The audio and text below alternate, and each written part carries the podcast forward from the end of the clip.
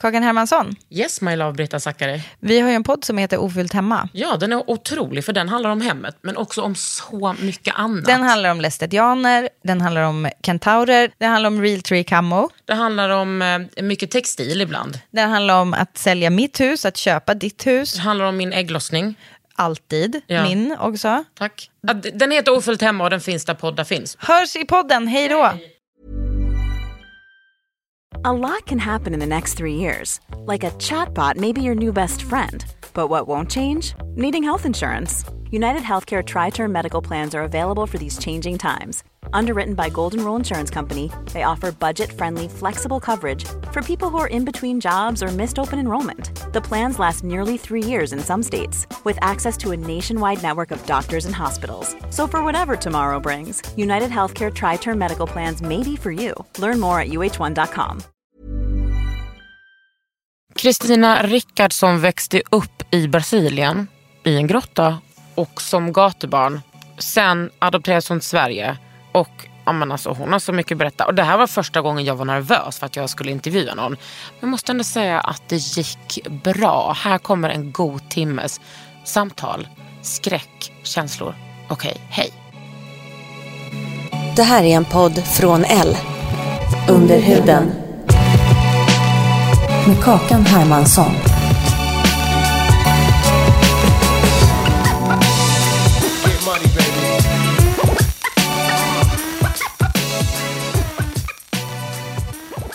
Jag är så glad för att vara 37. Alltså jag tycker att det är så skönt. Den här osäkerheten och den här pleasing och den här allt annat som fanns som kommer med, alltså fy fasiken. Och alltså också vara så här. Men det där var- ju när man var ännu yngre. Ska min, eh, ska min tofs vara högre upp eller längre ner? Alltså alla timmar en har liksom lagt ner tid på... Alltså jag orkar inte ens tänka på hur mycket jag har bränt min hjärna. Ja. Jag, har, jag hade ändå turen att jag höll på så mycket med friidrott. Ja. För att jag hamnade aldrig i den här kroppsfixeringen. Nej. Därför att min kropp, och det, och det tror jag aldrig att jag hade hamnat i. För att har man svultit i livet, Ja. eh, då vet man, alltså det, man, man börjar inte med bulimia eller alltså att eh, ätstörningar, det som inte riktigt man uppskattar mat då. Men jag behövde som aldrig riktigt eh, fundera. Min kropp var en verktyg. Jag skulle ta mig fram på banan. Ja men så har det ju varit lite för mig med, med att spela handboll. Men du vet det var ju fortfarande sådär att ja, men man, man skulle väl intressera sig för killarna som spelar handboll i liksom samma årskull. Ja. Alltså, Men mitt hår. ja. mitt hår har varit en sån här grej som, än idag. Alltså det följer med en. Och det var ju för att jag kom till vinden och hade, var den enda som typ hade så här jätte, jättelockigt hår som blev nästan som ett afro. Och ingen visste hur de skulle klippa mig. Du skulle se hur frisörerna klipp, klippte mig. Gud. alltså jag såg ut som, alltså det var så fruktansvärt att jag inte blev mobbad. ja, du blev inte det? Nej, men jag blev ju, I början så gjorde man försök till mobbing. Eh, men sen så blev det ju, alltså jag, jag sa ju ifrån och jag slogs. Så jag slog ju ner de som mobbade mig. Så de vågade ju inte fortsätta mobba mig. Och sen så hade ju de vänner jag skapade mig, det var ju de som var de populära. Och det var inte att jag gick ut för att vara kompis med de populära. Men det, det var bara att vi gick ihop, jag och Emma. Emma var ju väldigt populär i klassen. Ja. Sara Elvin var ju väldigt populär. Nu kanske inte jag ska säga namn här. Sara Alvin, shoutout till dig. Jo, Precis, ja, men Sara var väldigt så här, söt och vacker tjej så alla tyckte ju om henne och väldigt snäll. Så vi var ju kompisar, vi bodde på samma kvarter. Vi gick alltid till skolan tillsammans. Så, och Maja var ju också så här, på, så jag fick ju tjejkompisar som som också var ja, men bra tjejer. Och vi, det här är ju mina närmaste vänner än idag. Maja, Emma, Lina och Anna-Karin. från, från. Anna-Karin? Ja, Anna-Karin. Men Spelar vi in nu? Vi har spelat in hur länge som helst. Okej, jag har inte fattat det. Okej, så här kan man säga. Om man då tar det från, vi pratar kropp, och eh, om man har svultit. Varför har du svultit? För den som all, inte vet vem du, du är. Varför jag har svultit? Nej, men jag växte ju upp i Brasilien. Föddes i en stad, Diamantina, en liten stad. Och eh, min mamma var ju så fruktansvärt fattig. Om du tänkte, det går inte att komma längre ner i samhällets hierarki. Så vi hade ju inga pengar, ingenting. Så min mamma hon flyttade ut med mig då till en grotta mitt ute i vildmarken där bara jag och hon bodde. Och då var jag 15 dagar gammal när hon flyttade ut med mig. Och där eh, bosatte vi oss och bodde fram tills jag var fem år. Så Men, och, träffade du inga människor då? Ja, alltså, jo, vi träffade ju människor någon gång då och då, men väldigt sällan. Och de gånger vi träffade människor, det var ju när jag och mamma promenerade in från grottan då och in till eh, staden Diamantina. Och det var ju några mil. Eh, och då satte vi oss eh, vid busstationen där vi både försökte sälja lite grejer som vi hade med oss från skogen då för att försöka få pengar och kunna köpa lite mat. Men oftast, nästan alltid ska jag väl säga, så resulterade det i att vi fick ju börja tigga precis som man ser tiggare här i Sverige, mm. så satt jag och mamma och tiggde och bad om, om, uh, om pengar och mat för att vi skulle kunna överleva. Och det var ju ingenting som, det var ju inget det var ju inget vi ville göra, men det fanns inget annat alternativ. Och... Ja, men så är det ju med, tänker jag, med tiggarna här också. Det är inte som att de Tycker att det är spännande eller roligt? Nej, jag tror så här att de, man ska väl aldrig säga alla, men om, jag tror nästan att alla människor, de vill, man vill eh, kunna försörja sig själv, försörja sin familj, få chansen till att förverkliga sina drömmar eh, och om inte annat åtminstone chansen att få ett jobb och försörja sin familj. Mm. Och så var det för min mamma. Men tyvärr som kvinna, mörkhyad, hon är ju lite ljusare än mig då, men mörkhyad och outbildad och fattig i ett land där klassrasismen är gigantisk, mm. i ett land där man inte tar hand om sina medborgare. Då um, det finns nästan ingen solidaritet på det sättet som här i Sverige. Då är det var man för sig. Mm. Och um, som kvinna och, outbildad som sagt, det fanns ju ingenting som... Hon gjorde det bästa hon kunde. Men alltså, bo i en grotta? Ja. Är det precis som det låter eller? Du måste beskriva för mig då hur det låter för dig. Ja men då går man in då i en grotta, så blir det mörkt. och så kanske ni hade några filtar. Och så var det kanske lite, ja, men, kanske lite löv, mm. eller alltså liksom, som underlag på där ni sov. Mm. Att grejer kom från naturen. Mm. Hade ni en brasa? Kunde ni ha brasa inne i grottan? Vi gjorde ju en, en spis av stenar som ah. man byggde ah. ihop som ett U. Som du tänkte dig att man letar plattar stenar mm. och så bygger man dem på varandra. Och så gjorde vi som ett U och så fanns det en växt som ser ut som en kaktus och blomman ser ut som en ananas. Mm. Så tog vi den, torkade den i solen och så tände man eld på den och då glödde den som kol och väldigt länge. Mm. Så då kunde vi ju då steka mat på målarburkslock som vi hade hittat på soptippen ah. och använde målarburken som, eh, för att koka vatten. Och, Men var det färg i fortfarande? Nej. Ibland så, det, det är ju alltid lite kvar, ja. men vi, mamma var väldigt duktig på att tvätta och ta stenar. Om du tar sten mot metall ja. och skrapar så får du ju bort den här färgen. Då, för oftast är det ju man får inte bort allt, men du Nej. får bort det mesta. Men alltså, ja, det är ju helt stört. Kan du tänka så idag? Du bara, ja, jag växte upp i en grotta. Ja, men det, jo, men det, tänka, ja, det kan jag nog. Ja. Det blir nog så. Och sjukaste var nog ändå när jag kom tillbaka 2015 för första gången efter att ha bott i Sverige då i 24 år och aldrig varit tillbaka i Brasilien och bara vetat om att det här är mina minnen. Jag vet att jag bodde så här. Jag kommer ihåg så mycket. Och så kommer jag tillbaka och så står jag framför den här grottan med min tjejkompis då, Rivia som följde med mig för hon, kun, hon kan ju portugisiska också så hon funkar som, som även, både som vän men också som tolk. tolk. Ja. Och så står jag och tittar på den här grottan. Vet, det är ju en spricka i berget. Det är, inte, det är inte så att du kan gå in. Du måste som ner på huk och krypa in. Och det, vi hade inga filtar eller någonting utan det vi hade det var det vi vävde ihop från naturen. Och så tittade jag bara på grottan och så på Rivia. Och så bara, hur, ursäkta språket nu, men hur fan överlevde vi här? Alltså det var som så här, jag vet hur vi gjorde det. Mm. Men ändå när jag står där och tittar på det och jag tänker så här, jag är, och då var jag ju 32 då. Jag är 32, tänk om jag skulle ta min 15 dagars gammal baby hit. Hur fan skulle vi överleva? Mm. Eh, och, men, men också eh, att din mamma var i den situationen, att det var det bästa alternativet? Ja. Som liten när jag sen hamnade på gatan, för det gjorde jag ju då efter att ha bott eh, i grottan i fem år, så hamnade jag, då fick, blev vi utjagade från, från grottan och så hamnade jag Av vem? Vi, jag vet inte vem än och det vet inte mamma heller.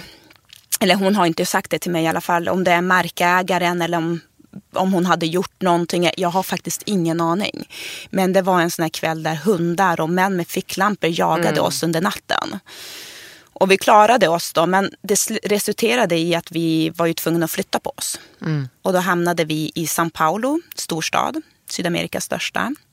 Och eh, då, det här var ju i slutet av 80-talet, början på 90-talet. Och då bodde det ju cirka alltså 16-17 miljoner människor bara i den staden. Mm. Och så hamnar vi då i de här favelorna och på gatan där de fattiga hamnar. Jag kommer ju ihåg så här, män som hade tagit eh, ett spädbarn och kastade barnet mellan varandra medan en kvinna som då var mamman till det här barnet och springer och försöker då alltså skrikandes och förtvivlad försöker få tag på sitt barn och de här männen bara skrattar. Så att, min mamma gjorde ju absolut rätt i att eh, när hon inte kunde skydda mig så skyddade hon mig på det sättet som hon, hon kunde. Sen om hon själv visste om att Mamma var ju också lite sjuk. Så, men som jag har förstått det så har hon förstått att det var det hon, hon skyddade oss. Hon skyddade mm. mig. Mm. Ja, alltså it makes sense. Ja. Men då flyttade ni till en favela? Man flyttar ju som aldrig in i en favela utan man hamnar ja. i en favela. Det är ju som så här, det finns ingen, favela är ju som näst, det är ju det steget innan gatan. Mm. I favela sen kan du ju fortfarande, det är ju kåkstäder då. Mm. Då kan du ju fortfarande ha ett skjul. Hade där ni du kan, det? vi hade ju inte det. Utan vi sov mellan skjulen. Och sen så kunde vi, ibland hade vi ett skjul. Men då var det ju ett, om du tänker dig att vi har hittat stora tjocka kartong, kartonger. Och så sen så har vi hittat någon sån här plåtbit och så. Så byggde vi som en liten koja. Och i den kröp vi in. Mm. Som skydd för natten. Och det är ju inte särskilt mycket skydd. Så. Formulerade du och din mamma någonsin um er situation för varann. Liksom, vi är fattiga. Mm. Ni pratade om det. Mm. Och hur, hur lät det? Ja, men för det första så bara för att man är fattig så är man ju inte dum i huvudet. Bara för att man inte har fått en utbildning så är man ju inte, man har ju fortfarande ögon och öron och man förstår ju fortfarande saker. Ja, kanske till och med mer. Ja, på ett, i alla fall på ett annat sätt. Kanske mm. inte, man kanske inte är allmänbildad då, men man förstår andra saker som, som man blir tvungen att, att lära sig. Mm. Och jag såg ju andra barn gå omkring. Jag minns speciellt en, en liten tjej som jag blev så avundsjuk på. Hon var, hon var vit, hon hade blont hår och så hade de satt upp det här, hennes hår i en stram fin knut, så här ballerinaknut. Mm. Och så hade hon en vit ballerina baddräkt med tyllkjol som stack ut. Och så strumpbyxor. Och som riktigt fattig och som gatubarn så pratade ju alltid barnen, det var ju som så hade man underkläder och hade man strumpbyxor då var man ju rik. Ah. För vi hade ju inte det riktigt. Och jag minns hur jag sprang så här, hon och hennes mamma kom gående så de här var inte, de var ju medelklass, de var inte mm. så här jätterika så. Men de kom gående så jag minns hur jag sprang så här och la mig eh, en, precis en liten bit framför den här lilla tjejen som skulle komma gåendes. För då när hon gick förbi då stack hennes kyl, tyl, yeah. eh, tylkjol ut. Och då kunde jag som se under kjolen för att se om hon hade underkläder. Ah. För då var hon rik. Ah. Och det låter ju jättekonstigt när man berättar en sån grej. Men, men eh, det är ju en annan värld. Och man förstår att man har det dåligt. Och man förstår att andra har det bättre. Ah. Och framförallt så förstår man det på hur andra behandlar en. Ja, för att man inte är skitvärd. Ja, och när folk kallar en för råttor och kackerlacka, hattodehuas eh, och sådär, då, då är man ju ingenting värd. När folk knuffar på en och sparkar på en och spottar på en. Och så. Det spelar ingen roll om man är tre år eller om man är sex år eller om det är en, en vuxen. Mm. Sådär. Så när man blir behandlad så, så förstår man ju att, att samhället anser att jag inte har ett värde. Och det är ju en fruktansvärd känsla. Och eh, blev det liksom en sanning för dig? Alltså även som barn? Alltså det blev mer att jag förstod att andra, att, att det här var det de tyckte om mig. Och någonstans går ju saker och ting in. Det går inte att säga att när människor säger taskiga saker till en, jag tror att alla känner av det mer eller mindre, att det går in. Men någonstans redan då, och jag tror att det, det är från min mamma, någonstans redan då så hade jag en form av trygghet med hennes kärlek. Även om hon försvann ibland och kom tillbaka och jag fick klara mig själv. Eh, så fanns det någonting i mig som var så här att de ska inte få ha rätt. Mm. Jag, de ska inte få bestämma vem jag är. Och det var inte alltid att jag kanske förstod vad exakt den känslan är, att jag kunde sätta ord på det. Men den fanns där. Mm. Det fanns den här en jäkla namma. Mm. Typ nej. en låga. Som brann. precis. Men det måste ha funnits andra familjer som var i er situation som du växte upp med. Ja, herregud, i Brasilien idag så finns det sju miljoner gatubarn. Eh, så att eh, det, det, vi är väldigt många. Jag är inte unik på något sätt här överhuvudtaget. Det som kanske är unikt i min berättelse och min historia och som, som har fascinerat eh, ja, folk runt, runt omkring i världen. Det är ju just också den här delen att jag växte upp i en grotta. Eh, att jag sen eh, hamnade i Sverige och att jag har tagit mig igenom de trauman jag har gått igenom. Mm. Och sen eh, kommit tillbaka och försöker göra en liten skillnad. Ja men också, alltså jag, jag tänker på så här, den så som vi är på samma eh, bokförlag och vi gav ut våra böcker samtidigt. Det var ju så vi träffades. Ja det var så vi träffades. Och så, den personen så som jag känner dig är så här lugn, trygg, eh, 0% missunnsam, alltså varm och väldigt så här, fötterna på jorden. Även om du hoppar väldigt mycket fallskärm. eh, men att du är så här, alltså du, alltså du är uppvuxen så är liksom helt sjukt att så här, tänka. Jag minns ju när vi träffades. Tack för att du sa de, de som, så fina saker där. Det är ju jätteroligt att, att bli uppfattad så. Jag hoppas... Du är ju sån. Om du inte är jag... typ en raging bitch egentligen. men att du bara jobbar Åh, så hårt. Ja, precis. Jag anstränger mig. Jag tror, inte, men, jag tror inte man kan spela en roll länge Mm. Nej, faktiskt. men, men jag kan definitivt säga så här, nu fasiken finns det en liten bitch i mig. Alltså också Ja. att, att jag är ju inte den som tar skit. Jag är Nej. snäll väldigt länge och jag förlåt, är förlåtande väldigt länge. Men, men sen så, det finns en gräns. Mm. Så så är det. Men jag minns när vi träffades och jag var ju lite nervös. För alla där var ju som kända personer och, och, så, och så kom jag ju fram och satte mig med dig och började prata med dig. Och genast så kände jag mig så här välkommen. Och ja, men du bjöd på dig själv och du bara tog min bok och hade halva ansiktet. Ja. Kom du ihåg det? Ja, jag kommer tog, ihåg det. Ja, det var så här, och då kände jag bara så här att, Ja, du är med en ja, vän. men precis. Men sen Mm. när du var åtta, då var det no more gatuliv för dig. Mm. Då hamnade jag i Vindeln i Västerbotten. Ja, men, vänta, okej, då måste vi bara eh, ta lite mer uppstyckat.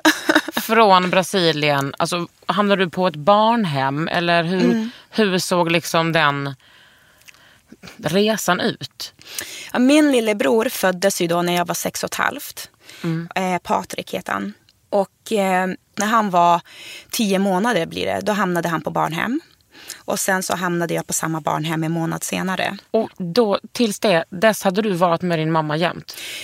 Nej, alltså jag hade ju varit med min mamma hela tiden. Fast mamma försvann ju och så kom hon tillbaka. Så jag fick ju klara mig på gatan själv. Och ibland så fick jag ju klara mig själv med min lillebror och ta hand om honom i längre perioder. Och hur lång är en sån period då? Alltså jag hade, jag hade ju ingen begrepp om tid. För jag hade ju inte lärt mig klocka och sånt. Och, och att det blev en ny dag, det visste jag. Men jag visste inte att en vecka hade sju. Nej. Sådär. Så att, men det var längre perioder. Eh, och då, hamnade, då, då var jag ju i gatubarnsgäng för att kunna överleva. För ensam på gatan så, så överlever man inte som barn.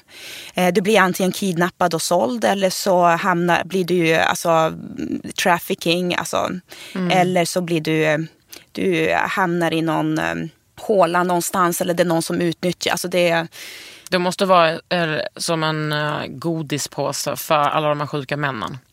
för alla sjuka människor, absolut.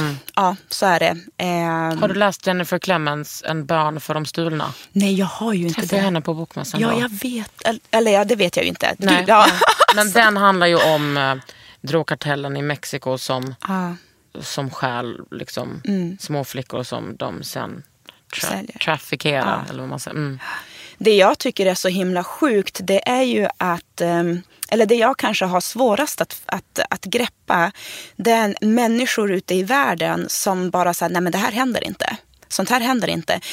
När jag var på bokrelease i Brasilien så satt jag ju då och berättade delar av min historia och, och brassarna fick ju ställa frågor till mig och jag hade så en tolk då som. Och det står då så här lite eh, överklasskvinnor eh, bredvid och bara så här, det här, det här är bara lögner, det här stämmer Du har inte. Det här. på ja. mm. Och det är som så här, jag kan inte förstå att man kan blunda så mycket för saker som finns runt omkring en. Ja, men också som finns i ens eget land. Ja. Är de typ kristna då eller? Jag, jag, jag, det kan jag ju inte säga, jag pratade ju inte mer om så, så jag, jag vet inte. Men, men det är helt, eh, vissa är ju det, vissa inte. Och det är sjukt vad, vad människor, speciellt i Brasilien, de går förbi och de bara blundar för det. Och jag har ju träffat brasilianska människor här i Sverige som bor här nu och som jag har blivit vän med och som har sagt det, bara, men jag var en av dem. Alltså som, som blundade för att det är ju vardags, det har ju blivit så normaliserat. Och det är det som skrämmer mig lite också med Sverige. Om jag nu ska gå in på, Du ska absolut gå in på det. gå in på det. Ja, det kan skrämma mig. Och det var en av anledningarna till att jag valde att skriva boken. Att jag såg att nu sker en förändring som är så skrämmande. Att vi börjar tappa vår humanitet. Och att vi normaliserar saker som vi aldrig normaliserat tidigare. Eller i alla, fall, nu finns det som ingen skam. Eller folk skäms ju inte över saker de säger. Eller Nej. att man inte... Folk är stolta rasister. Ja, och det, det, det är lite så här... Jag tycker att det är fruktansvärt att vi tappar, tappar det. Eh, så Mm. Ja, då kände så jag att jag måste som göra någonting. Jag måste åtminstone berätta det jag kan, alltså göra det jag kan göra, berätta min historia för att för att ja, men dels att man ska förstå och få upp ögonen för vad som händer i Brasilien med gatubarnen. Eh, men också hur det är att komma till ett nytt land, ryckas från allt som man känner till. Hamna mitt i någonting som känns... Det känns som att man hamnat i en helt annan planet med bara Mm. gröna aliens som pratar ett annat språk, du vet. Men det var ju typ det du gjorde. Men var det din mamma som tog det beslutet? Ehm, Att ni skulle på barnhem?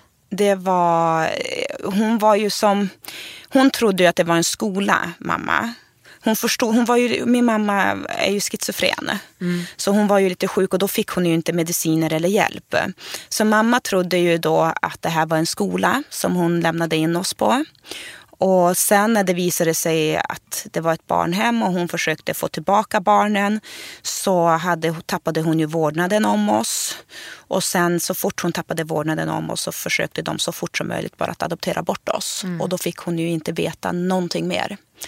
Så hon stod ju utanför barnhemsgrinden och bara skrek och ville träffa oss. Då. Kommer du ihåg det? Ja, för jag stod, ju, jag stod ju där och hörde det och eh, sprang fram till mamma och fick tag på henne och så stod, stod de ju då och slet mig medan vi håller varandras händer genom grinden och så slet de mig ifrån henne. Och sen någon månad senare så var jag i ett nytt land med nya, nya föräldrar. Alltså allting var bara nytt. Allt som var tryggt för mig och som jag kände igen existerade inte längre. Förutom Patrik? Förutom Patrik, ja. Och, och det var inte en liten grej kan jag säga. Nej. I det läget så blev det väldigt mycket. Informerade de alltså på barnhemmet dig om att ni skulle flytta? De informerade mig om att vi skulle adopteras. Men det är, ju, det är ju en sak att sitta och någon berättar för en saker och visa fina bilder på en himmelsäng och leksaker och, och ett hus i, i ett rött trähus med vita knutar och sen förstå att du ska lämna Brasilien, att du ska lämna allting. Det, det, det var omöjligt för mig att greppa eller förstå. Kommer du ihåg resan från barnhem till flygplatsen på flyget? Var det panikartat?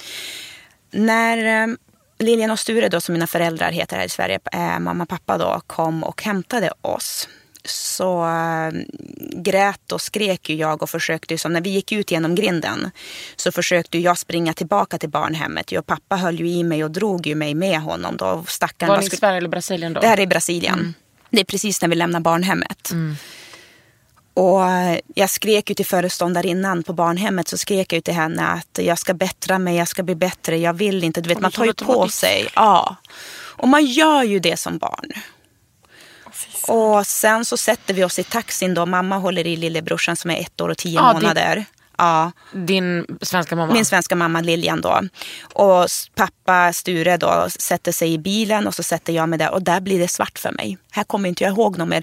Men då har Sture berättat för mig då pappa. Då har han berättat för mig att eh, jag, eh, alltså att jag sitter på golvet på, i, i bilen. Där bak. först försöker jag som banka igenom bakrutan då. Och, så. och sen sitter jag bara i bilen och bara gråter och gråter och gråter. Och pappa vänder sig om då till mamma och säger herregud vad har vi gjort? Mm.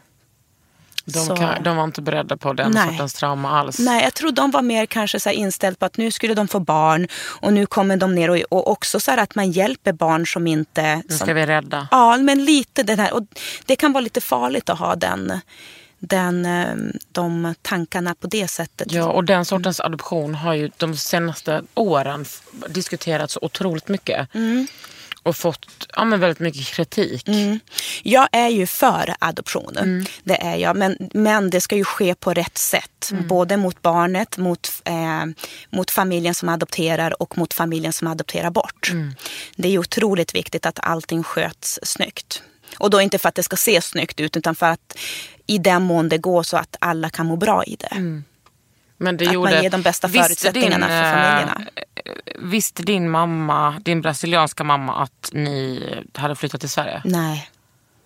Min mamma, det här är ju det hemska, min mamma vandrade runt eh, och gjorde det fortfarande. Jag kom ju tillbaka till Brasilien 2015 då och då träffade jag ju henne. Det ska vi prata mer om sen. Alltså, det är ett kapitel Men gud, det känns som bara att jag pratar hela tiden Kakan. Men vad fan, jag, de har ju hört min röst i 102 avsnitt. Du är här för att prata. Ja, men jag känner så här, gud, jag pratar hela tiden nu. Men gud, det är du som ska prata. Ehm, ja, men vart var jag? Vi var, din mamma hade vandrat runt. Ja, just det. Det, här, det var det här som gjorde mig mest... Alltså om, om någonting höll på att krossa mitt hjärta när jag åkte tillbaka, då var det det här. Att, eh, för efter vi blev adopterade så säger då familjen, resten av familjen i Brasilien, för jag har ju en stor släkt i, i Brasilien, att de sökte upp när de, när de sen förstod vad som hade hänt så sökte de upp barnhemmet och försökte då ta tillbaka oss. Så att de, de kunde, jag och Patrik kunde då växa upp i familjen. Men vänta, varför hade de inte erbjudit det innan? Ja, nej men som sagt, det, det, det, här, det finns många versioner som jag, och det är därför jag säger att det här är vad, vad som... Mm. Vad, ja.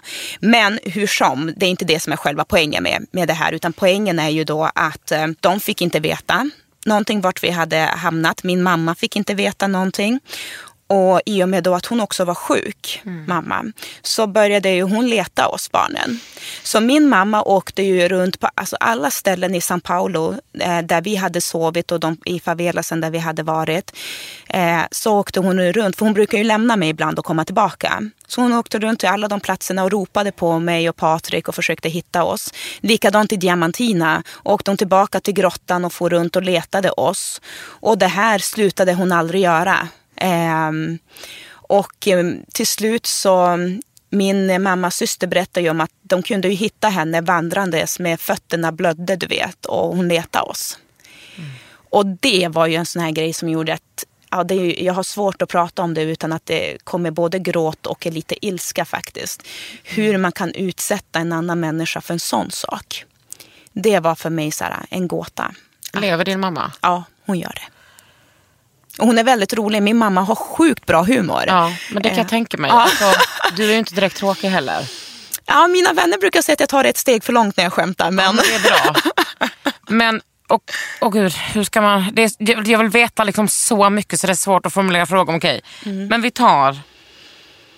När du kom till Umeå, Mm, till, till Vindeln var det ju Ja. först. Ja, fem mil utanför Umeå.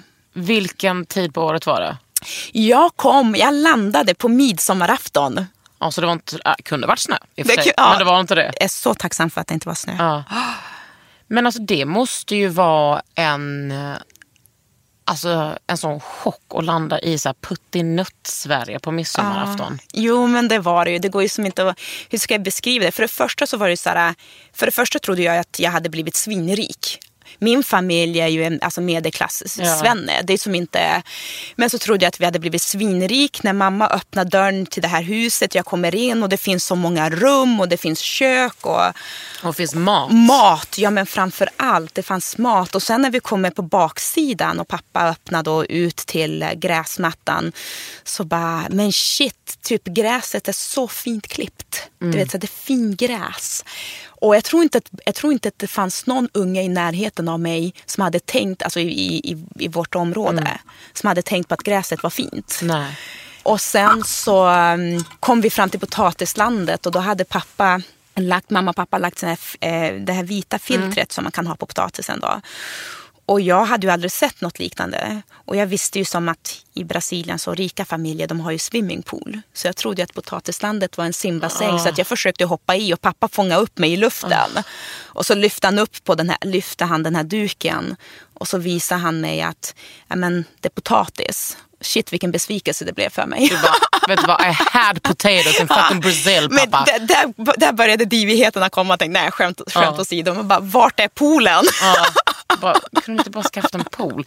Men då var du åtta år, kunde ingen svenska. Nej. Lärde dig svenska snabbt eller? Två månader. Ja. Tappade all portugisiska på två månader.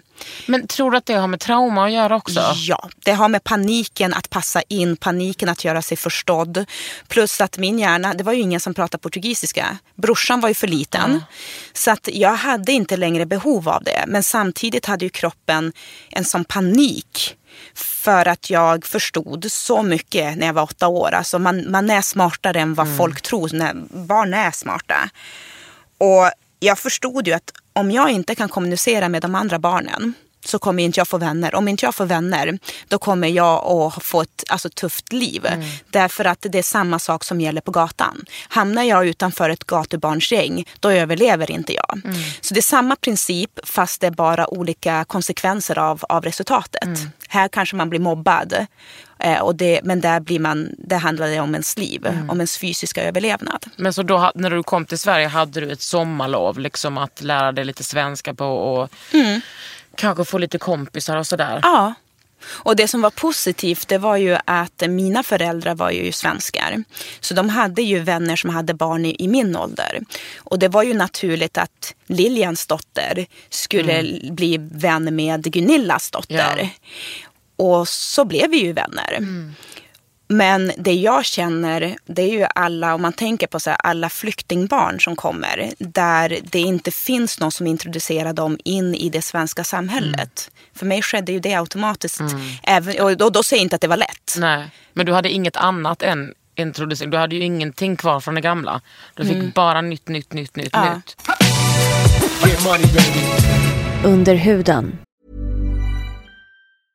This is Paige, the co-host of Giggly Squad, and I want to tell you about a company that I've been loving, Olive and June. Olive and June gives you everything that you need for a salon quality manicure in one box. And if you break it down, it really comes out to $2 a manicure, which is absolutely insane. It's also so easy to get salon worthy nails at home with Olive and June. The difference between how your nails used to look when you did them yourself and now with the Manny system is a complete game changer. The best thing about Olive and June too is it's a quick dry. Dries in about one minute, lasts for five days, and full coverage in up to one to two coats. Visit oliveandjune.com slash perfectmanny20 for 20% off your first system. That's oliveandjune.com slash perfectmanny20 for 20% off your first system. There's never been a faster or easier way to start your weight loss journey than with PlushCare. PlushCare accepts most insurance plans and gives you online access to board-certified physicians who can prescribe FDA-approved weight loss medications like Wigovi and Zepbound for those who qualify. Take charge of your health and speak with a board-certified physician about a weight loss plan that's right for you. Get started today at plushcare.com slash weight loss. That's plushcare.com slash weight loss. plushcare.com slash weight loss. Alltså det här är ju en svår fråga, men vad hände med din identitet? Ah, shit. Jag, eh, jag vet att i Sverige att man inte får skryta. Skryt på gumman i den här podden. men i, det här, i det här fallet så måste jag säga att jag är sjukt stolt över eh, att jag som åttaåring var så pass, jag vet inte, stark tycker jag är väl fel ord, men att jag var så pass smart utan att kanske riktigt förstå vad det var jag gjorde. Mm. Jag eh, förstod att den jag var inte passade in. Eh, så jag tryckte undan den personen. Mm. Och det är ju tragiskt att jag skulle behöva göra det. Eh, för jag önskar att jag inte hade behövt göra det. Men det var en överlevnadsstrategi Men det var då? en överlevnadsstrategi. Så jag tog aldrig bort henne. Jag bara tryckte undan hon. Och sen så sparade jag så många minnen jag bara kunde. Dels för att jag hade då en bror som jag hade fått i uppgift av min mamma i Brasilien då att ta hand om. Och också att berätta för honom att vi har inte blivit övergivna. Vi är inte, vår mamma älskade oss. Det här är vem du är, det här är var du kommer ifrån. Det låg på mig. Och det ansvaret, man ska inte förringa när barn tar på sig ansvar. det ansvaret jag tog på mig den var gigantisk.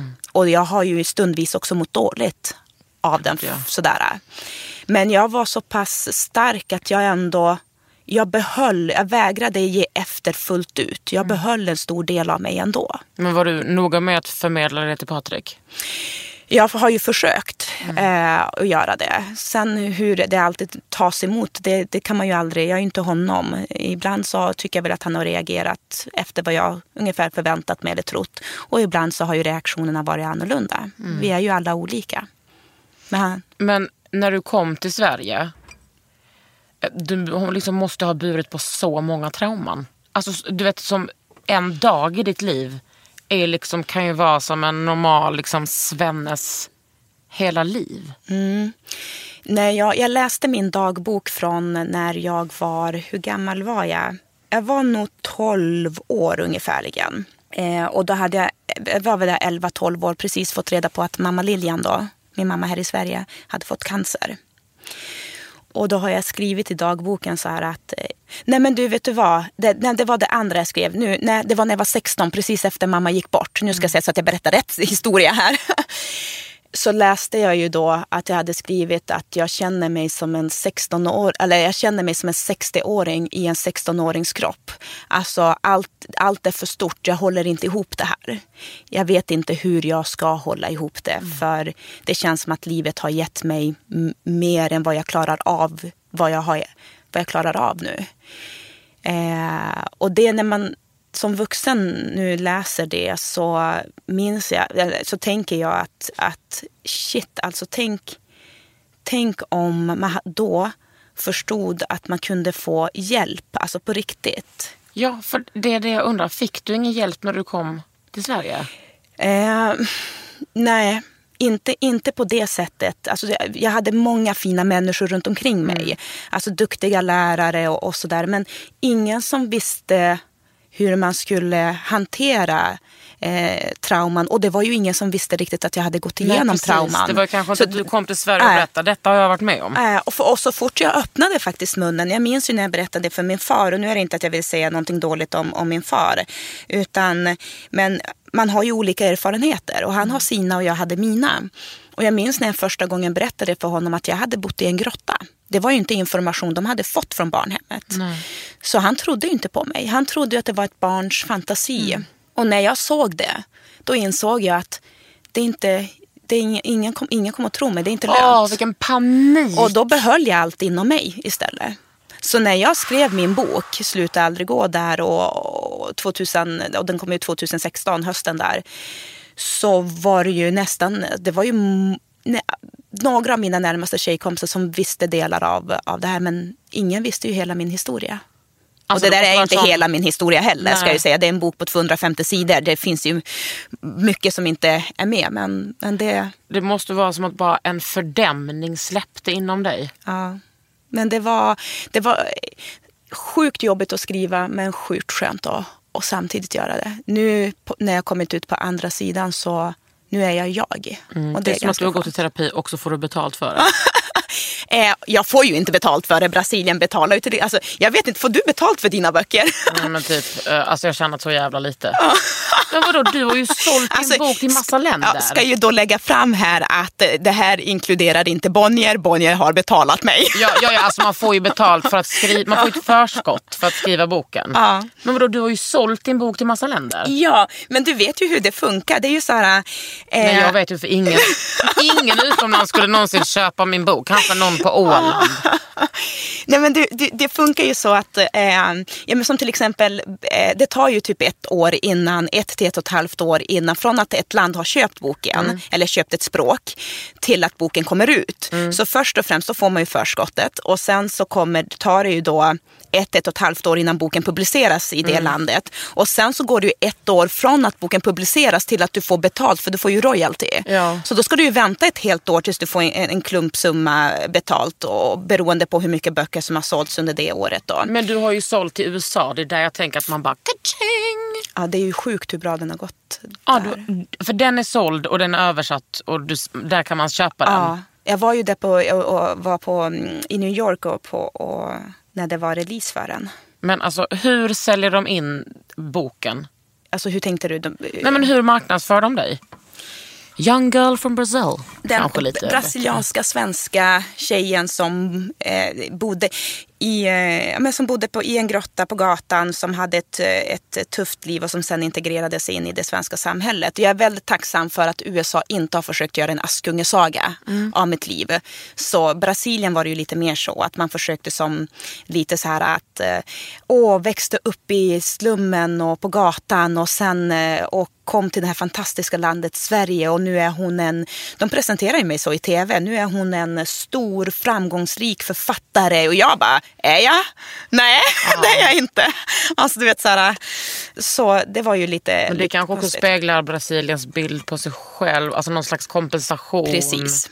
Det är exakt så. Så det är ju att... ehm, Ja, så det var väl lite konstigt. Men i USA så har den mottagits eh, väldigt bra. Sen är ju USA USA.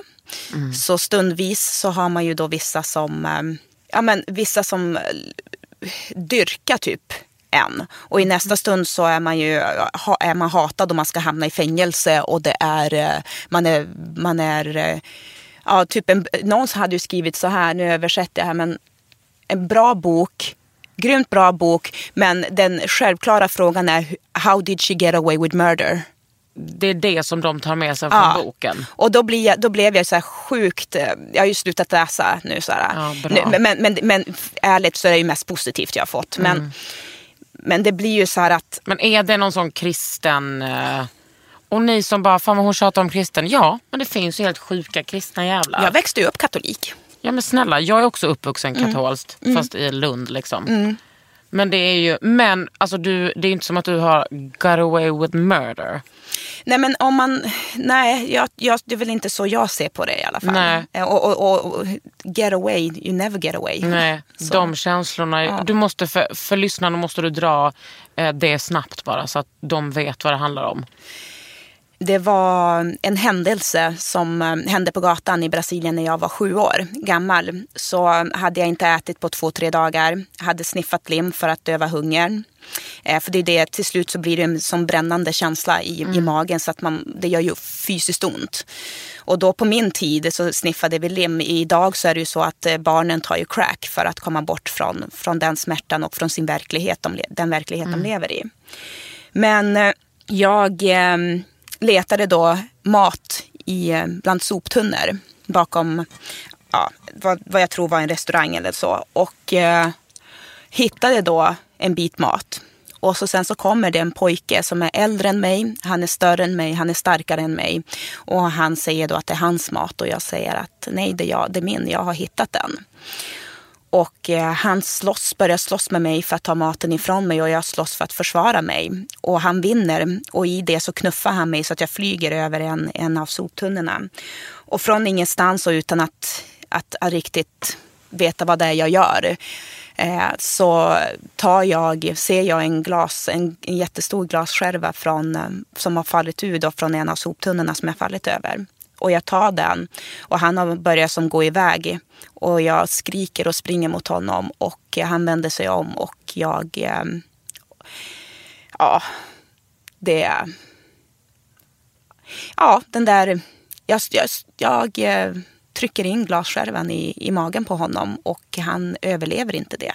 Inte att jag ser honom gå bort där på plats så, men eh, han gjorde inte det utan det är sånt som man fick höra sen av andra gatubarn att pojken hade hittats bakom och sådär och jag visste att det var ju jag då. Och eh, jag tog maten och så sen så sprang jag därifrån. Och sen när jag satte mig ner och skulle äta det så hade jag blod på händerna och det gick ju inte och jag bara spydde upp allting. Och då förstod jag, och då var jag sju, då började jag förstå att jag hade gjort någonting fruktansvärt.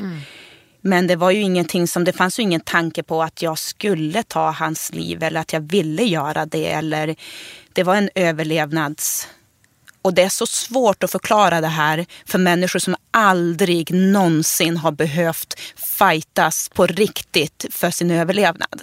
Och som aldrig ens har behövt vara hungrig. Ja, Och det är så svårt. och Det är så många som har sagt så här bara, jag skulle aldrig kunna göra det där. Eller, och jag tänker så här, men du har aldrig försatts i en situation där du, där du måste le, alltså, överleva. Och jag säger inte att det är okej. Det är inte att jag rättfärdigar det. Och tro mig, jag har under så många år tittat mig i spegeln varje morgon och sett vad som finns där. Jag vet ju för alltid vad, vad jag är kapabel till för min överlevnad. Men vi är ju inte här för att eh, döma dig efter din historia. Vi är ju bara här för att lyssna. Alltså vi, Ja, men- vi har ju det privilegiet att vi ska få lyssna på dig. Ja, och det är ju inte heller att jag försöker för, för dig eller för, för lyssnarna att, att jag vet vart jag står i det här. Jag har bearbetat det, jag förstår vad som har hänt, jag förstår hur, hur, hur det var. Men, men det är ändå ganska skönt faktiskt att bara nu kan jag tycka, att få säga det att shit, alla de här åren jag har tittat mig i spegeln och vetat om och mått dåligt.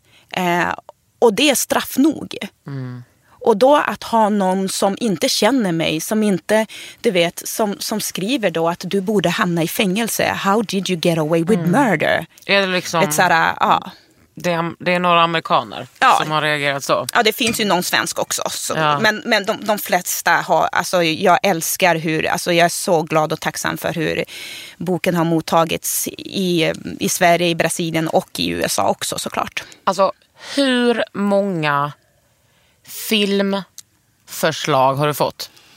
Ja, nej men det har kommit några. det har det gjort. Sen har jag inte, alltså jag har inte, helt ärligt, jag tror många tänker så här att får man, får man det, då säger man ja direkt. Nej, vadå? Det är ju ditt liv det handlar ja, om. precis. Och jag har inte sagt ja till någon. Och det har, film, film, första filmförslaget fick jag innan boken ens publicerades. Ja. Eh, och eh, jag har inte sagt ja än därför att jag har, jag har velat landa i först att boken, se hur det mottas, hur det förändrar mitt liv, hur jag mår i det helt enkelt. Eh, men sen också att eh, jag har inget behov av att ha en film om mitt liv där ute. Där Det är rätt sjuk, sjuk grej. Alltså. det är en lite sjuk grej, det håller jag med om. Men däremot om det finns, och det här är till alla filmbolag där ute. när jag skämtar? Listen up, listen up. Ja, nej, men om, om, om, om någon kan komma med någonting där jag känner att eh, de dels vill göra historien riktigt rättvisa och att det är till hjälp för den cast som jag jobbar med, med gatubarnen i Brasilien och att vi kan hjälpa då är jag med på att då, då gör min historia gott. Men att jag bara ska släppa en film för att det ska finnas en film om Kristina Rickardsson eh, eller Christiana Maracuello, så nej. Utan jag vill, jag vill göra mer och så har, det, så har jag alltid varit. Och det är ingenting så här för att jag är fan stolt över det också. Det tänker jag att, att man, man vill göra nytta. Sen är det inte alltid att man vet hur man ska göra det men Nej. försöker. Men också ehm, kanske bra att du skrev boken nu när du är en sån. Du vet om du hade gjort den när du var 20 då hade det blivit en annan sak. Katastrof. Ja. Mm. Har du gått i terapi? Ja. Har du det. gått i terapi? Snälla rara. Tio år. Dum fråga. Alltså tre behandlingar. Herregud, jag, jag, har gått i terapi. Tio år. Men har du gått hela tiden hos samma då? Nej, jag har gått... Eh, jag pratade faktiskt om detta i förra avsnittet. Jag har gått en... Eh, när min syster var sjuk i cancer, Mm. då gick jag... Då var jag 18 hon var 14. Då gick jag hos en dam som jag fick via liksom, barnsjukhuset. Mm. Sen gick jag hos en HBT... Nej, inte HBT. KBT. HB, HBTQ. HBTQ. En eh, KBT här och sen så har jag gått hos en privat som Mm. är specialiserad på lesbiska och trauman. Eh, Så henne har jag gått i liksom fram och tillbaks i alltså, en tio års tid. Mm. Eller mer kanske, men inte tio år sammanlagt. Liksom. Eh, eh, bra investerade pengar och eh, nej men alltså utan henne hade jag inte varit någonting. Ja. Alltså hon har räddat mitt liv 100 procent. Fan vilken underbar kvinna hon är. Gud vad underbart. Mm. Så känner jag ju med Rita som jag gick till. Eh, fantastiskt vilket jobb vi gjorde. Mm. Eller man gör ju det ihop. Ja. Det, det var, jag, jag, för när jag gick in i det så trodde jag så här, jag, kommer, jag vet inte om jag kommer, alltså det här är, jag vet inte om jag kommer komma ur, ut på andra sidan.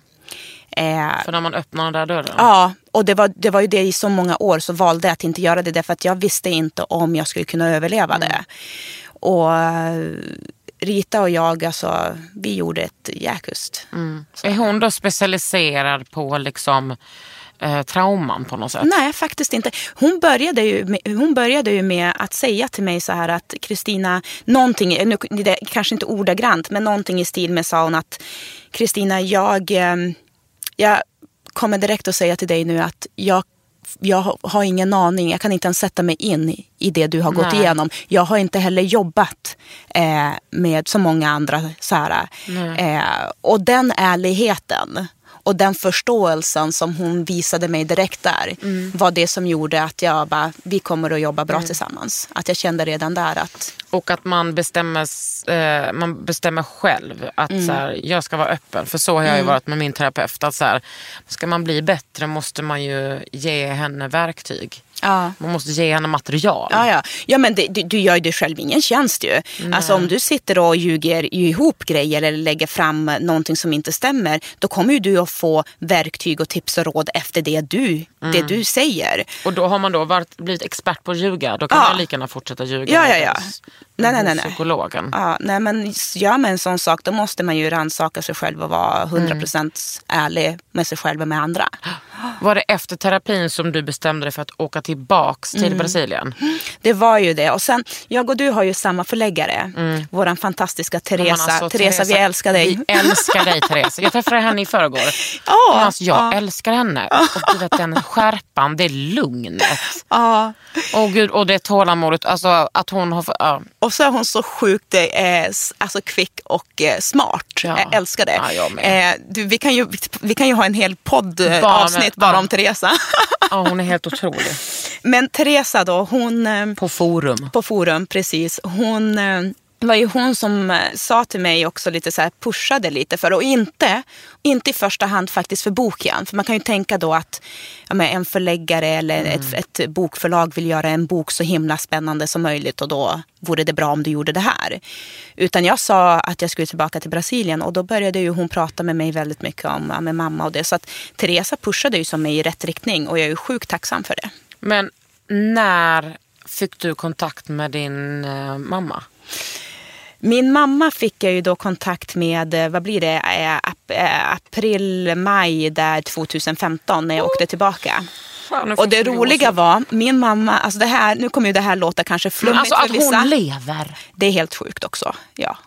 Men hon är en järnkvinna. Alltså, Kakan kom till Brasilien och så, du, i december och januari kom ner och hälsa på mig. Absolut och så kom du och träffa mamma. Alltså, hon är ju en sån här... äh, Hon har humor, hon är en järnkvinna och hon... äh, Alltså, det är verkligen slut aldrig gå över henne. Jag avbröt dig, förlåt. Vart var jag? April 2015. Men det var då jag eh, åkte ner eh, och träffade mamma. Ja, men vadå, hur, liksom, hur fick du tag på henne?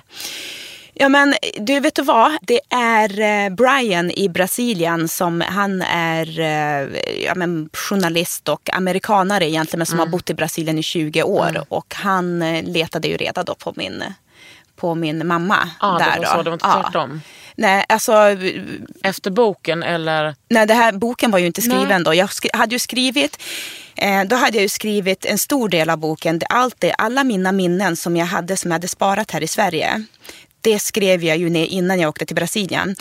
Av flera olika anledningar. Och en av dem var att jag ville inte, jag ville inte att det skulle bli, de skulle bli påverkade när jag var där Nej, nere. smart. För då blir det ju, då blir det en annan, då blir det ju att man, det är ju lätt att man kanske då tar sina minnen och det man då upplever nu och så sen Blandar blir det, man ja, ihop blandar man ihop det. Så genom att skriva ner det före så kunde jag ju sen få reda på hur sant var allt det jag Mm. mindes också. Nu var jag ju övertygad om att allt jag mindes var sant, inte så men jag minns ju det fortfarande från en åttaårings perspektiv.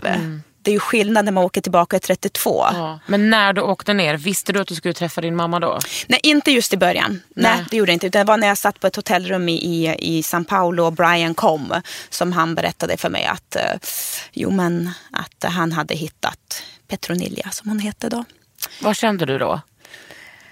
Ja, det var sjukt blandade känslor. Och det var också en sån här grej, jag gjorde lite med flit för jag ville inte ha svar på medan jag var här i Sverige på om mamma levde eller inte. Nej. Jag gjorde klart att jag ville veta det i Brasilien för att ehm, jag kände så här att jag vill, det här är någonting, det här svaret om hon existerar idag eller inte. Det är någonting jag måste få veta i det landet där jag och hon har delat vårt liv. Jag ska inte ha, det här är ingenting jag ska veta här och nu i Sverige.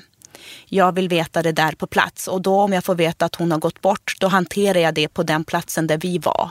Och får jag veta att hon lever, då hanterar jag det där.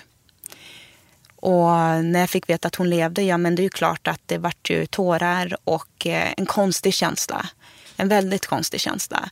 Det, I och med att min adoptivmamma gick bort när jag var 16 så har jag inte haft en mamma på väldigt länge.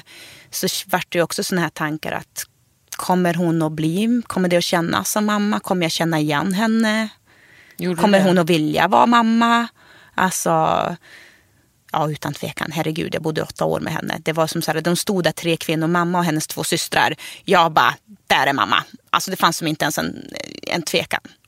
Och när hon såg dig då? Ja, nej men det fanns ingen tvekan där heller.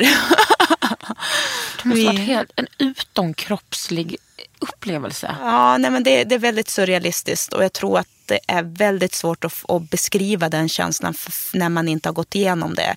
Eller när, för någon som inte har gått igenom det.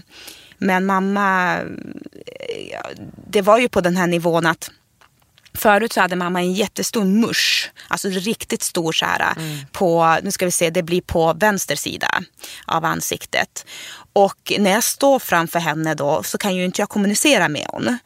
Och utan att jag ens tänker på det så har min högerarm åkt upp och så börjar jag peka så här på vid sidan av näsan och ovanför läppen till henne så här jättefrekvent. Så här, bara, va, det är någonting som inte stämmer i ditt utseende. Du vet, så här, och mamma skrattar och så säger hon då på portugisiska och Rivia översätter att, eh, ja, men att hon har opererat bort en musch. Och då bara, ja det var det. Så det var på den nivån faktiskt. Men hur, hur, hur har liksom er relation utvecklats sen du träffade henne då för typ tre och ett halvt år sedan? Eh, både och. Måste jag säga. Jag tror att de flesta här vill höra den här fairy tale versionen av det. Och jag är ju, jag är ju fruktansvärt ärlig. Så, så är det ju inte. Det är ju inte en fairy tale. Utan jag är jätteglad och tacksam att jag har hittat mamma. Hon är också jätteglad över att vi har hittat varandra. Men vi har ju svårt att kommunicera med varandra. Dels för att hon är sjuk och ibland så, så är hon ju och hon, hon, ibland får hon besök, alltså som schizofren så får hon besök och försvinner in i, en, i den världen då. Eh, men, men oftast är hon ju med. Men sen så pratar jag inte portugisiska. Mamma är ju såklart besviken på det. Eh, på min, hon, Besviken, Ja, ja. men, och vet, är det någonting som brasilianska familjer är bra på att göra så är det att ge varandra dåligt Ja, samvete. Ja, men guilt-trippen och djävulskt. Men du har väl lärt dig lite Nej, eu portugisiska? falo no bem. Jag falo um pouquinho. Portugis muito difícil. Ja, jag fattar det. Mycket svårt, mycket komplicerat. Och de kan ju själva typ inte prata sitt eget språk, brassarna. Så att, Perfekt. Hur ska du lära dig då? Men lever hon under samma eh, förhållanden som hon gjorde då? nej, det gör hon ju inte. Utan efter 15 år till att ha bott på gatan, efter att vi, 15 år efter vi blev adopterade, så, så bodde hon ju på gatan och hade det riktigt dåligt.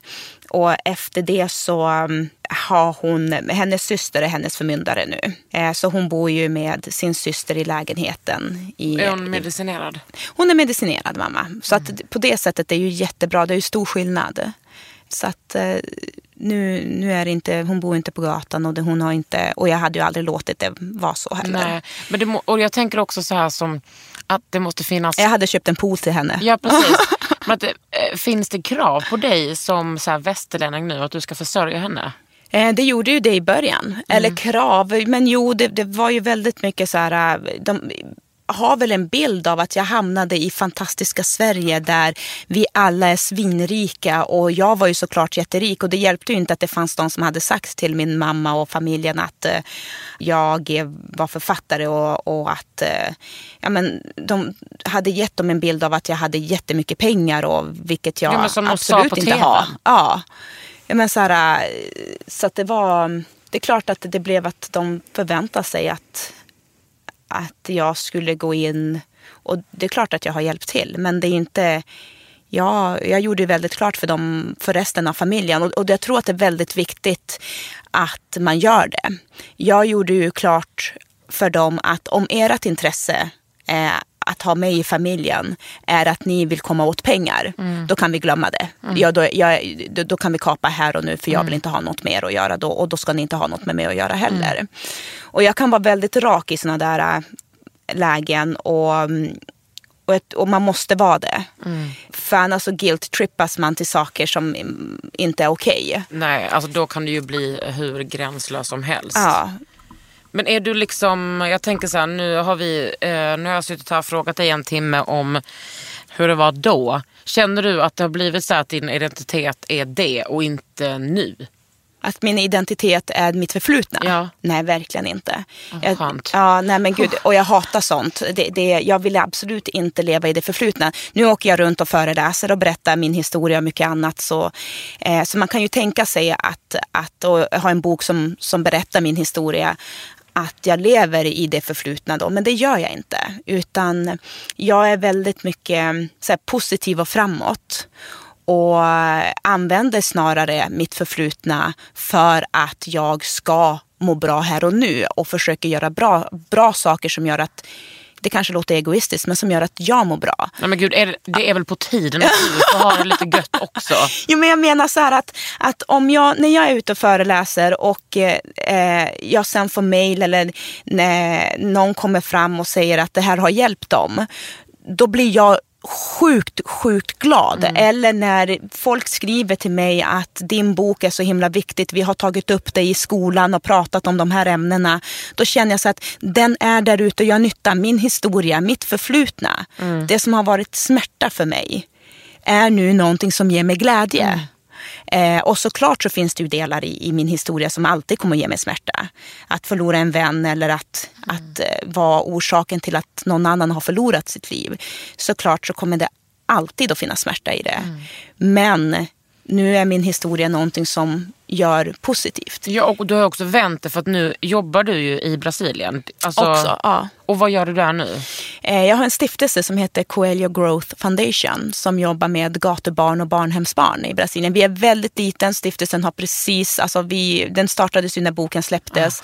Vi eh, är glada och tacksamma för all hjälp vi kan få och pengar. Framförallt så är det det här att pengarna går ju faktiskt direkt. Alltså jag åker ju personligen till platsen och, och så. Så nu har vi fått, jag gör lite reklam för HSB Norr, Gud, reklam. som har eh, gått in med eh, pengar till oss så att vi kan rädda en bibliotek i Heliopolis, en favelas, Mm. där barnen kan komma och både små barn kan få komma och uppleva lite teater men, och, och läsa, men också barn kan komma och få hjälp med läxor och bara ha någonstans att, att det finns en bibliotek för hela området.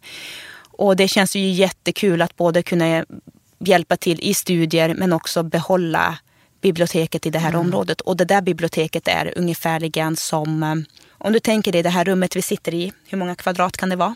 En och en halv gånger tre meter. Ja, ja det, eh, vad, vad blir det? Nej, jag skämtar bara. Vänta, en- Tio, tio, nej. Det är skitlitet. Ja, men skitlitet i alla fall. Om du tänker dig fyra gånger den här storleken, Ja, så är stort är litet. biblioteket. Ja. Så att det är ju ett litet bibliotek Ja. också. Men, men det är så viktigt att rädda det. Eh, och eh, där informerar de ju barn och ungdomar om faran med gatan, faran med droger, hur de ska ja, men, akta sig för poliser faktiskt till och med tänkte jag säga. Men lite så. Eh, Går det framåt skulle du säga? Gud vad jag önskar att jag kunde sitta och säga nu att det gör det. Det gick framåt. Brasilien, eh, det gick framåt för Brasilien. Nu så har det ju gått tillbaka bakåt. Tyvärr. Eh, det ekonomin liksom- är katastrof i landet. Det är val nu och det är ehm, Otroligt korrupta poliser. Ja, men fruktansvärt. Och det är inte bara poliserna. Det är ju som så här, nu måste man ju tänka att det här är militärpoliser och man måste verkligen också göra skillnad på svenska poliser och brasilianska poliser. Eh, jag är ju livrädd för militärpolisen i, i Brasilien. Alltså när jag går på gatan och jag ser dem stå där med sina k-pister och pistoler. Hela min kropp, alltså jag har ju sprungit från dem så många gånger. Så hela min kropp stelnar. Och Eh, och veta vad vissa av dem är kapabla till. Man ska också vara noga med att säga att det inte alla, men vad vissa av dem är kapabla till. Hur de rensar områdena, hur de skjuter barn och människor som bor där. Hur de hotar människor till att fly sina hem, annars kommer de att döda dem. Ta Mariella Franco. Hon blev ju skjuten nu i våras, en politiker i Rio som blev skjuten av poliserna där. Som jobbade med de frågorna. Ja. och var väldigt populär. Men det Eh, måste ju vara ett sånt eh, risktagande för dig att liksom skrivit boken, gått i terapi, må relativt bra och åka tillbaka till Brasilien. och bli mordhotad. Ja, men, men också få se de barnen som var du. Ja. Du måste ju riva upp så jävla mycket. I början så när jag kastades mellan världarna, för det är framförallt det som är det jobbiga, att hantera kasten mellan att jag kommer hem och öppnar min garderob där jag har mina rodebjärs, alltså du vet, och gör mig fin och gå ut till att kastas in i favelasen där jag drar på mig mina jeans, shorts, eh, sandaler och går bland de här barnen. Och känna att Alltså om jag bara fick, om alla svenskar gav 10 kronor för varje svensk som finns här, alla har råd med det. Om de gav 10 kronor, jag skulle fan kunna hjälpa så många barn här. Och den känslan och paniken jag fick i början, bara, hur ska jag komma hem och förklara för människorna där hemma att vi kan göra skillnad och vi kan hjälpa andra. Vi kan göra någonting för de här barnen. Och om ni bara förstod hur fina de är och hur mycket kärlek det finns i dem. Och hur, ja, det var svårt. Men sen insåg jag för att om jag ska klara av att göra det här då måste jag hitta, jag måste hitta en balans. Och då hamnade balansen där att Kristina, förstå bara att om du kan hjälpa ett barn, då har du gjort jävligt mycket. Och ta det därifrån. Att såklart är målet att stiftelsen ska bli jättestor och jag ska kunna hjälpa många. Men, men ta ett steg i taget. Men det här blir liksom din, ditt liv. Det är ju mitt liv. Ja, men jag är 35 singel och jag är absolut inte missnöjd med det. Skit, And good looking. And good looking, thank you honey. Men, eh, men jag har ju, det är klart att jag jobbar ju dygnet om. Det gör jag. Sen trivs jag ju väldigt mycket med det, annars hade jag inte gjort det. Nej, Du jobbar ju inte dygnet runt med typ så lätta frågor utan det är ju liksom det är som heavy shit. Framförallt blir man ju splittrad i, eh, lite grann kan jag känna när, när saker är nytt. När man inte vet vad man kan förvänta sig. Hade ju ingen aning vad som skulle hända när man släpper bok i USA. Nej. Och plötsligt så var det ju så här, äh, men plötsligt så ringer de från Australien, från Ungern, Indien skriver om min historia. Folk från hela världen skriver och vissa gör det bra. Och andra tar går in på min Instagram och hämtar bikinibild och lägger upp du vet som Turkiet, alltså sådana där länder. Ja, nu säger jag sådana där länder för att jag, för jag tror att pressen där, alltså att, jag tror att Ja. kvinnosynen där inte är som i Sverige. Ja. Men så lägger man upp så här, tjejen som växte upp, eller kvinnan som växte upp i grottan eh, var jagad, eh, stalked by Jaguar. Mm. Even killed to survive. Och så har de en bikinibild på mig. Jag bara, Vad vill ni? vad är, det, vad är det ni framhäver här Ja. egentligen? Så, det, det blir sjukt. Ja. Allting. Och en sak som jag tänkte fråga, som, eh, vi behöver inte ha med den här frågan om du inte vill, men jag vill ändå fråga den. Den här resan har ju du gjort, men hur har den sett ut för din bror? Ja, det är faktiskt en sån grej som jag kan svara på den. Sen om du kommer gilla svaret eller inte, det vet jag inte. Men när jag skrev boken så var det så att jag gick ut med min historia. Min bror och min far var väldigt tydliga med att de vill inte gå ut med sin historia. Så jag har respekterat det. Så jag pratar inte om min bror och hans historia, hans känslor eller min fars i den mån jag bara kan. Eh, av respekt. Eh, jag hade, hade varit tvärtom så hade jag inte velat eh, så hade jag blivit väldigt besviken om de hade, inte hade respekterat min önskan. Så eh, vissa saker som är sådana självklara grejer kan jag svara på om, om, om min familj och min bror. Men i andra lägen så låter det bli. Och också för att ta att de inte ska behöva ta någonting. Utan det är ju jag som har gjort det här. Då får jag ju ta både det positiva och det negativa. Men jag tänker, du har ändå åkt tillbaks, träffat er mamma. Patrik åkte med. Ja, Mm, såklart. ja. Så, och så. Men sen hur han kände kring det och det är klart att, det var berör, alltså att han blev berörd. Men det måste få stå för honom och det är hans historia. Och vill han berätta den en dag då blir då, då, då, det är ju jättebra och då blir jag ju jätteglad. Men Gud, det är tänk så hans. tar han och nu säljer sin historia till film. Snor den framför näsan på dig. Hör du det Patrik? Här, här har Patrik, du... här säljer jag in en riktigt bra idé till dig. Ja, det är ju helt, det är helt otroligt. Och då har vi inte ens pratat om att du håller på att hoppa fallskärm till höger och vänster. Nej, men det blev ganska, en ganska tung, eh, eller på, lätt, på ett lättsamt sätt, Ja. men ändå tunga Men jag var ju saker. nervös för den här intervjun. Alltså jag har ju, det var ju första gången på 102 avsnitt som jag kände så här, kommer jag klara av den här intervjun? Men jag tyckte ändå att jag gjorde det. Du har gjort det sjukt bra. Ja, du är väldigt duktig Kakan. Nej, men tack du. Men nog om mig. Jag vill säga tack för att du, ja, men tack för att du har skrivit boken och tack för att du liksom kom hit och berättade och svarade på mina ivriga frågor. Tack för att jag fick komma och jag känner bara att jag har pratat hela tiden. Men gud, så här säger alla kvinnor som kommer hit. Man bara, men om jag bjuder in dig som en gäst, Ja, men, Det är klart att det är du som ska prata. Jo, men det känns lite konstigt för annars brukar, brukar jag inte prata så här mycket. Jag pratar mycket, det gör jag. Men inte och det så är här bra mycket. att du gör det. Ja. Jag heter Kakan Hermansson Och jag heter Kristina Rickardsson. ja, och du har lyssnat på Under huden. Under huden med Kakan Hermansson. En podd från L.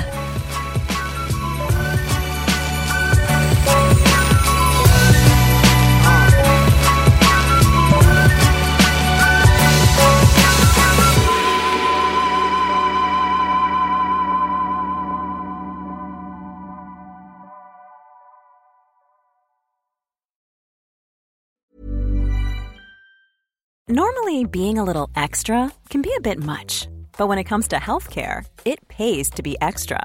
And United Healthcare makes it easy with Health Protector Guard fixed indemnity insurance plans. Underwritten by Golden Rule Insurance Company, they supplement your primary plan, helping you manage out of pocket costs without the usual requirements and restrictions like deductibles and enrollment periods. So when it comes to covering your medical bills, you can feel good about being a little extra. Visit uh1.com to find the Health Protector Guard plan for you. Imagine the softest sheets you've ever felt. Now imagine them getting even softer over time. That's what you'll feel with Bowl and Branch's organic cotton sheets. In a recent customer survey, 96% replied that Bowl and Branch sheets get softer with every wash. Start getting your best night's sleep in these sheets that get softer and softer for years to come. Try their sheets with a 30-night guarantee. Plus, get 15% off your first order at bowlandbranch.com. Code BUTTERY. Exclusions apply. See site for details.